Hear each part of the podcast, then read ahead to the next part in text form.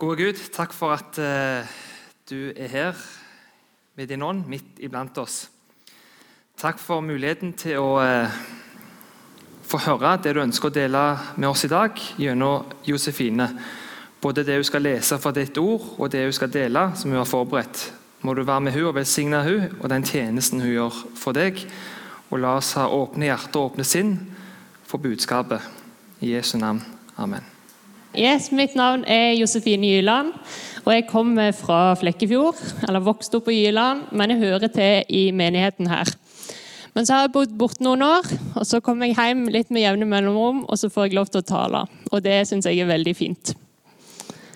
Um, og jeg har bodd i Oslo noen år, og for mange så er Oslo bare en studentby. Det vil si at de studerer der, og når de er ferdig med studiene, så flytter de hjem eller bort til et annet sted. Eh, og så finner de seg en jobb der. Og Derfor så har jeg en del venner som har flytta bort, og som jeg i større og mindre grad fortsatt har kontakt med. Og Det jeg legger merke til, det er at med de vennene som jeg ofte har kontakt med, de jeg ofte prater på telefonen med, vi har mye å snakke om. For hver gang vi snakker sammen, så har vi mye på hjertet. Fordi vi må kunne snakke om alt det hverdagslige vi har gjort, og om hvordan vi har det. Vi går på en måte ikke tom. Mens flere av de vennene som jeg ikke har så ofte kontakt med, der kan det av og til bli litt stille. Fordi vi har ikke helt oversikten over hva som skjer i hverandres liv, og hvordan vi har det. Og så Hvis noen hadde spurt meg hvordan det går med de vennene jeg så ikke ofte har kontakt med, så kunne jeg ikke sagt så mye. Jeg kunne sagt litt om hva de har gjort, hva jeg har sett på Instagram, men jeg kunne ikke sagt så mye om hvordan de har det. Rett og slett fordi vi ikke har så jevnlig kontakt. Og på samme måte så kan det være med Jesus. Og jeg skal være så ærlig å si at I starten av forberedelsene til denne talen så syns jeg det var litt vanskelig å vite hva jeg skal si for noe. Rett og slett fordi jeg ikke har hatt så mye kontakt med Jesus de siste månedene. Og da har jeg naturlig nok ikke så mye på lager. Ofte så har jeg droppa å lese i Bibelen, og så har jeg kanskje ikke bedt så mye som jeg vanligvis gjør. Og Menigheten som vi går i i Oslo, den var stengt fra oktober til juni pga. korona. Vi hadde digitale gudstjenester, men vi hadde ikke det samme fellesskapet som vi pleier å ha. Så det har gått opp for meg hvor viktig fellesskapet i menigheten er. Hvor viktig det er for meg å ha en flokk, hvor viktig det er for meg å ha et fellesskap. Som faktisk hjelper meg å søke Jesus jevnlig. Og så er det kanskje litt voldsomt å starte en tale en søndag formiddag med å si det her. Men jeg tror det kan være litt sånn for oss alle innimellom. Og da tror jeg det er viktig at vi snakker om det. Og Dessuten så handler denne søndagens tekst om nettopp, dette, om nettopp dette. Viktigheten av å ha en flokk, viktigheten av å være en del av et fellesskap. Og Når vi leser de fire evangeliene i Det nye testamentet, så slår det hvor mange ganger Jesus taler i lignelser. Får, Jesus forklarer vennene sine og folket hva det vil si å være en Jesu etterfølger. Hvordan Guds rikes lover fungerer, eller hva som kan skape vekst i den troende sitt liv. Og Mange av lignelsene har også som hovedpoeng å få fram det hjertelaget som Gud preges av. Og I Lukas kapittel 15 så møter vi hele tre lignelser med ganske lignende hovedpoeng. Noe verdifullt har kommet bort. Dette gjør at eieren leter etter det som har forsvunnet. Og når det som hadde verdi for eieren, har kommet til rette, da blir det stor glede og fest til og med i himmelen. Og I dag så skal vi lese en tekst fra Lukas kapittel 15, og vers 1-7.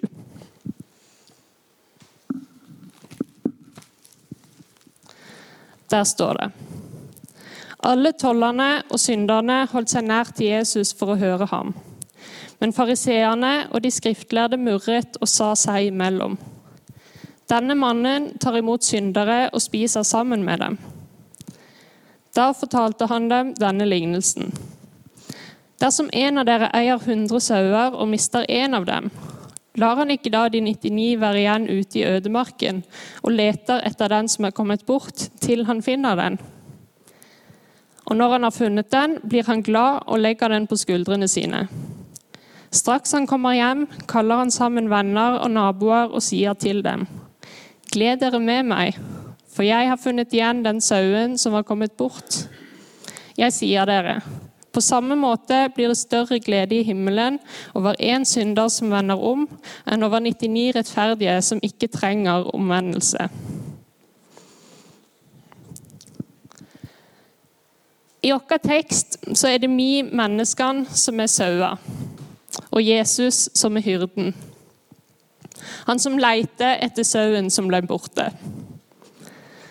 Og Kanskje du kan en del om sauer, men lag for ordens skyld gå gjennom noen sentrale kjennetegn på sauer som er relevante for vår kontekst. Det første er at sauer er sårbare. Hvis det kommer et rovdyr som, blir, som vil angripe, så er de elendige til å forsvare seg. De har ikke noe å kjempe imot seg med. Det eneste de kan, det er å springe, noe de òg er ganske dårlige til. Så sauene er et ganske lett bytte. Og så er de flokkdyr. De trives ikke alene. Og sauene i en flokk de har ganske synkronisert atferd. Dvs. Si at de gjør de samme tingene til samme tid. Og så har de en sterk følgeatferd. De følger etter hyrden sin. De følger etter andre. Og Da holdes flokken samla, og sånn kan de mer effektivt både oppdage og flykte fra fara. Og I Norge så er det sånn at i sommerhalvåret så slipper man sauene opp på fjellet, og så håper man at det går bra. Men i Israel på den tida som Jesus fortalte denne lignelsen, så slapp man ikke sauene fritt. Man hadde gjetere som passa på dem, og som beskytta dem. Og sier sauen er et flokkdyr som følger etter den han kjenner, så var dette dyr som det var enkelt å lede i trygghet til mat og drikke. Så lignelsen om sauene og hyrden det, opple det opplevdes kjent i den tida som Jesus fortalte denne lignelsen i. Og så er det denne sammenligninga som Jesus velger å bruke på deg og meg. Vi er som sauer. Vi er så inderlig sårbare. Redde for smerte og lidelse og vonde opplevelser. Vi er redde for sykdom og nød, død og tragedie. Vi er redde for å bli såra, forakta og utstøtt fra flokken. Redde for ikke å bli anerkjent og bekrefta. Ja, vi er redde for å ikke bli elska og tatt hånd om. Og vi er som sauene i fare for det, for det onde i verden. Den onde som har ødelagt dette herlige skaperverket med det som bryter oss ned, og som fører oss vekk fra Gud, nemlig synd. Og Pga. dette så trenger vi hjelpeløse sauer, noen som går foran og, og som tar seg av oss. Og Bibelen sin mest kjente salme, salme 23, den beskriver på mange måter idealsituasjonen for en sau. For der står det Herren er min hyrde, jeg mangler ikke noe. Han lar meg ligge i grønne enger. Han leder meg til vann der jeg finner hvile. Han gir meg nytt liv. Han fører meg på rettferdighetsstier for sitt navns skyld. Om jeg enn skulle vandre i dødsskyggens dal, frykter jeg ikke noe ondt. For du er med meg. Din kjepp og din stav, de trøster meg. Du dekker bord for meg like foran mine fiender. Du salver mitt hode med olje, mitt beger renner over. Bare godhet og miskunn skal følge meg alle mine dager. Og jeg skal bo i Herrens hus gjennom alle tider. Denne salma den bruker også terminologien at mennesket er sau, og at Jesus er hyrden eller gjeteren. Og Idealsituasjonen min det er å få gå etter en trygg leder som tar ansvaret for meg. Som beskytter meg, og som gir meg det jeg trenger.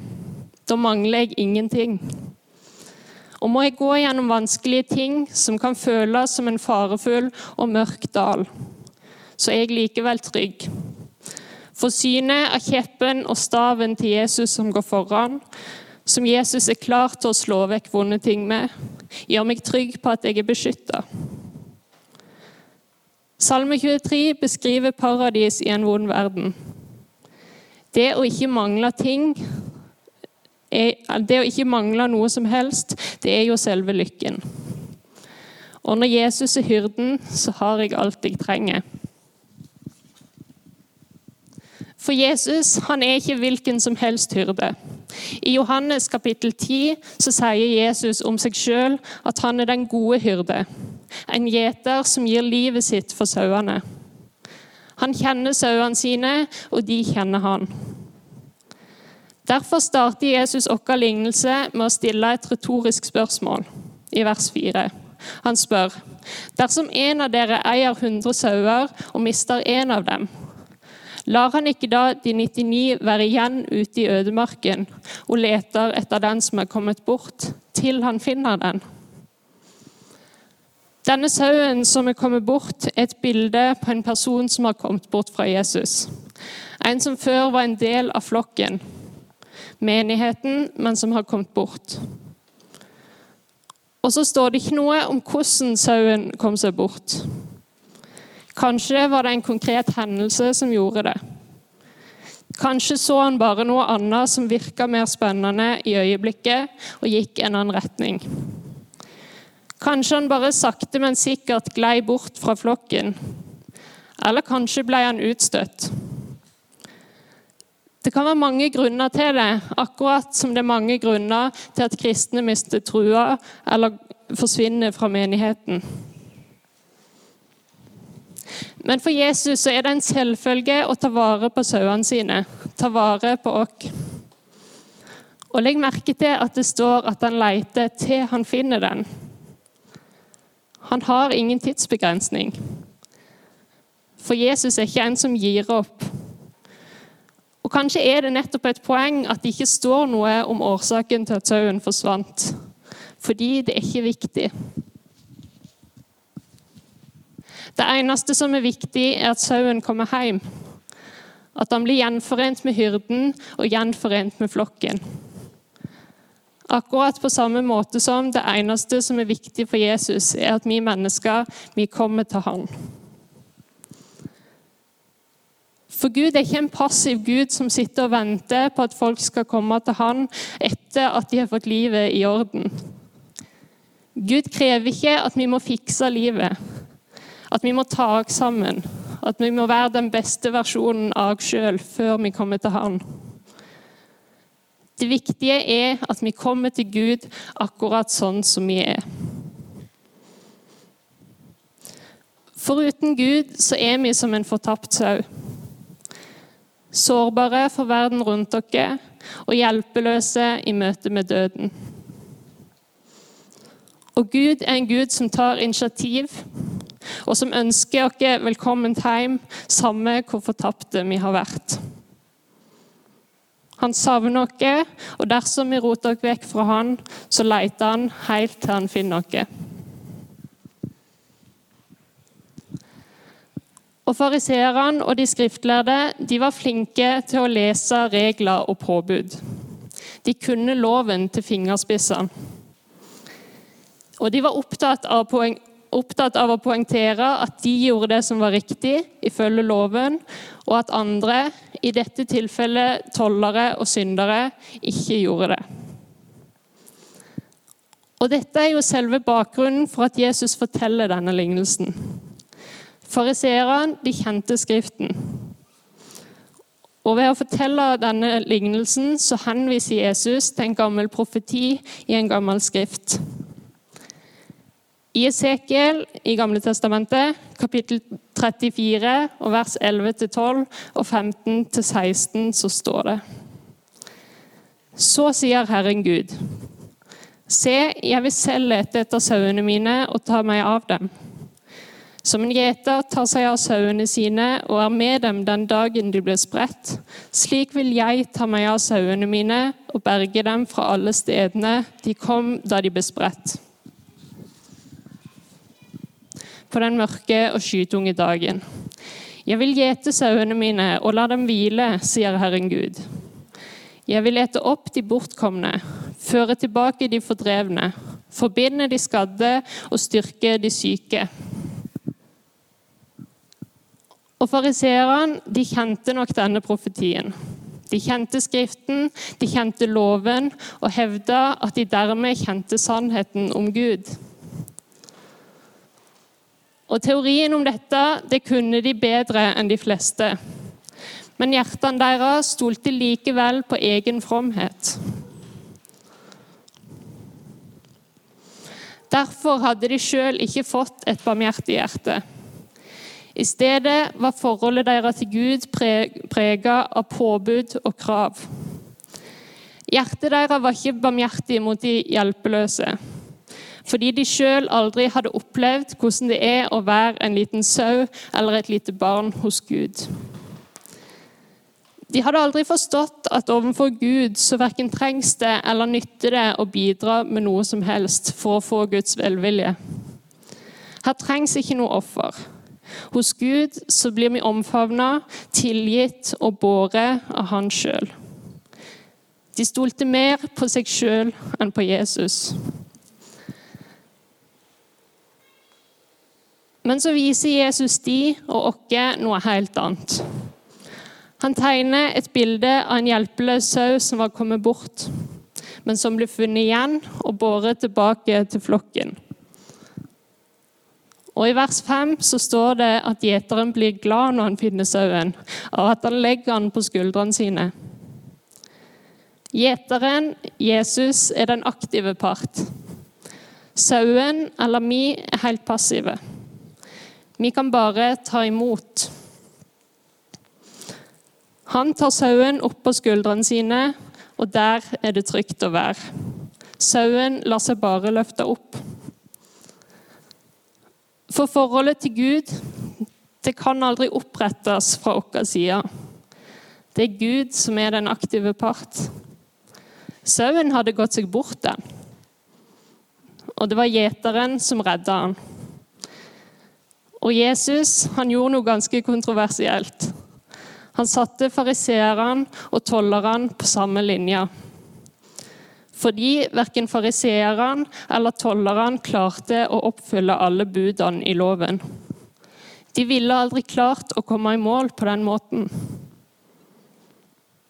Derfor så måtte de, på samme måte som vi, frigjøres fra den. Og det skjedde den dagen Jesus døde på korset. Når han tok alle syndene våre, alt vi skammer oss over, alle løgnene våre, alt begjær. Han tok alt. Alt og nagla det til korset. For sauen som ble funnet, han presterte ingenting. Det var gjeteren som gjorde jobben. Og uten gjeteren så hadde sauen vært fortapt, overlatt til seg sjøl. For det er Jesus som setter fri. Og Når det skjer, så kan det løse oss fra mistenksomhet og hardhet overfor hverandre.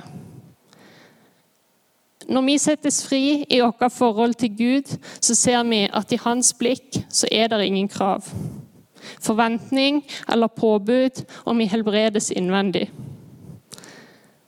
Da blir vi fri til å elske, til å tjene og til å vise barmhjertighet overfor hverandre. Og en sånn gjeter trenger vi.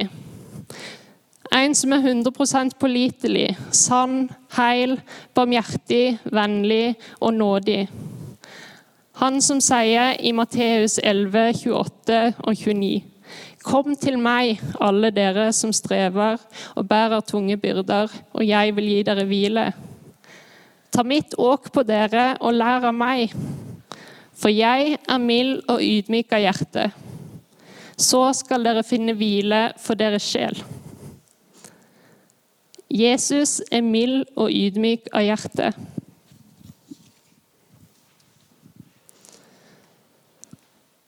Og så sa jeg i sted at det ikke står noe konkret om hvorfor sauen forsvant. Men at Jesus ikke stilte spørsmålstegn med det. I stedet så forteller han at gjeteren kalte inn til fest.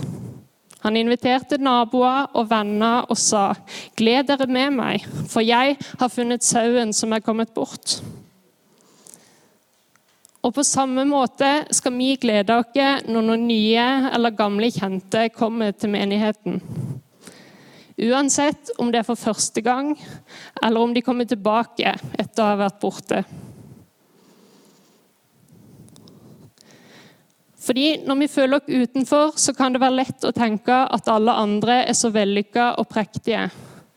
Kanskje spesielt de som går til gudstjeneste. Og så vet jeg ikke helt hvordan det er her, mellom deg og dine venner, eller her i menigheten. Men jeg tror at vi kan gjøre hverandre en bjørnetjeneste dersom vi ikke er åpne og ærlige med hverandre om synda i livet vårt. Det er mye mer fristende å trekke fram alt det gode. Vi tar på oss maske og forsøker å være sånn, sånn vi tror at andre mennesker ønsker at vi skal være. Vi går rundt som glansbilder av oss sjøl. Men tenk om vi turte å leve ærlige liv overfor hverandre. Kanskje det kunne ført til at flere følte seg hjemme i menigheten. Og Jeg skulle ønske at kirka kunne fungere som en slags magnet på mennesker som føler at de ikke fikser livet. Fordi vi alle gikk rundt som levende bevis på Guds nåde. Og Når Bibelen bruker ord som synd og nåde, så er det for å reise oss opp og sette oss fri. Fri til å leve det livet som Gud har skapt dere til å leve. Og Det skjer ikke med å glatte over synden og gjemme den bort i statistikken, men ved å sette ord på det og ved å erkjenne og bekjenne synder som synd. Og Målet med å snakke om synd det er ikke at vi skal bli nedtrykt og gå og føle oss som store syndere hele tida. Men ved å bekjenne synden som synd, så kan vi bli satt fri. Vi blir fri til å elske og fri til å gjøre godt. Og Jesus han ville at fariseerne og de skriftlærde i stedet for å klage over at han ville inkludere syndere, så skulle de heller glede seg over at Guds rike har kommet nær og at Guds nåde og tilgivelse er tilgjengelig for alle. Òg for de som ble regna som uverdige i samfunnet.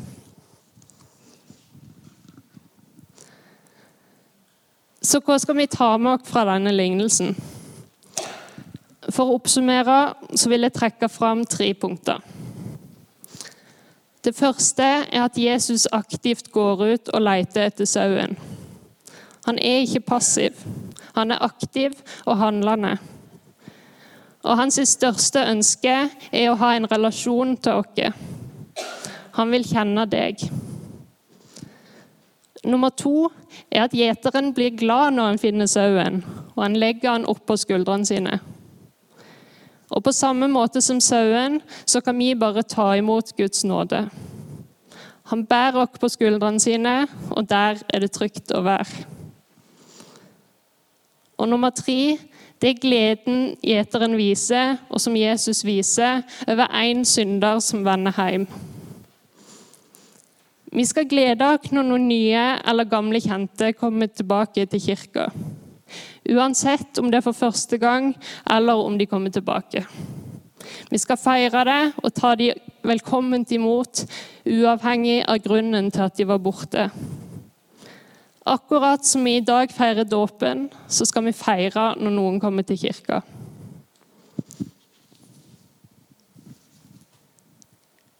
Vi skal avslutte med å lese Salme 23 på ny. For den forteller oss hva vi eier når Jesus er hyrden vår. Og Det er ganske sjeldent at jeg kan si at jeg føler og opplever det helt sånn som det står i salmer. Men sånn var det nok heller ikke for David. Likevel så kan vi ved å lese denne salma få se noe av det som venter oss, alle vi som dør i troa på Jesus. For når vi får komme til Gud, da blir ikke denne salma lenger bare vakre ord og dype lengsler. Det blir en virkelighet som kan fylle oss for alltid. Herren er min hyrde, jeg mangler ikke noe.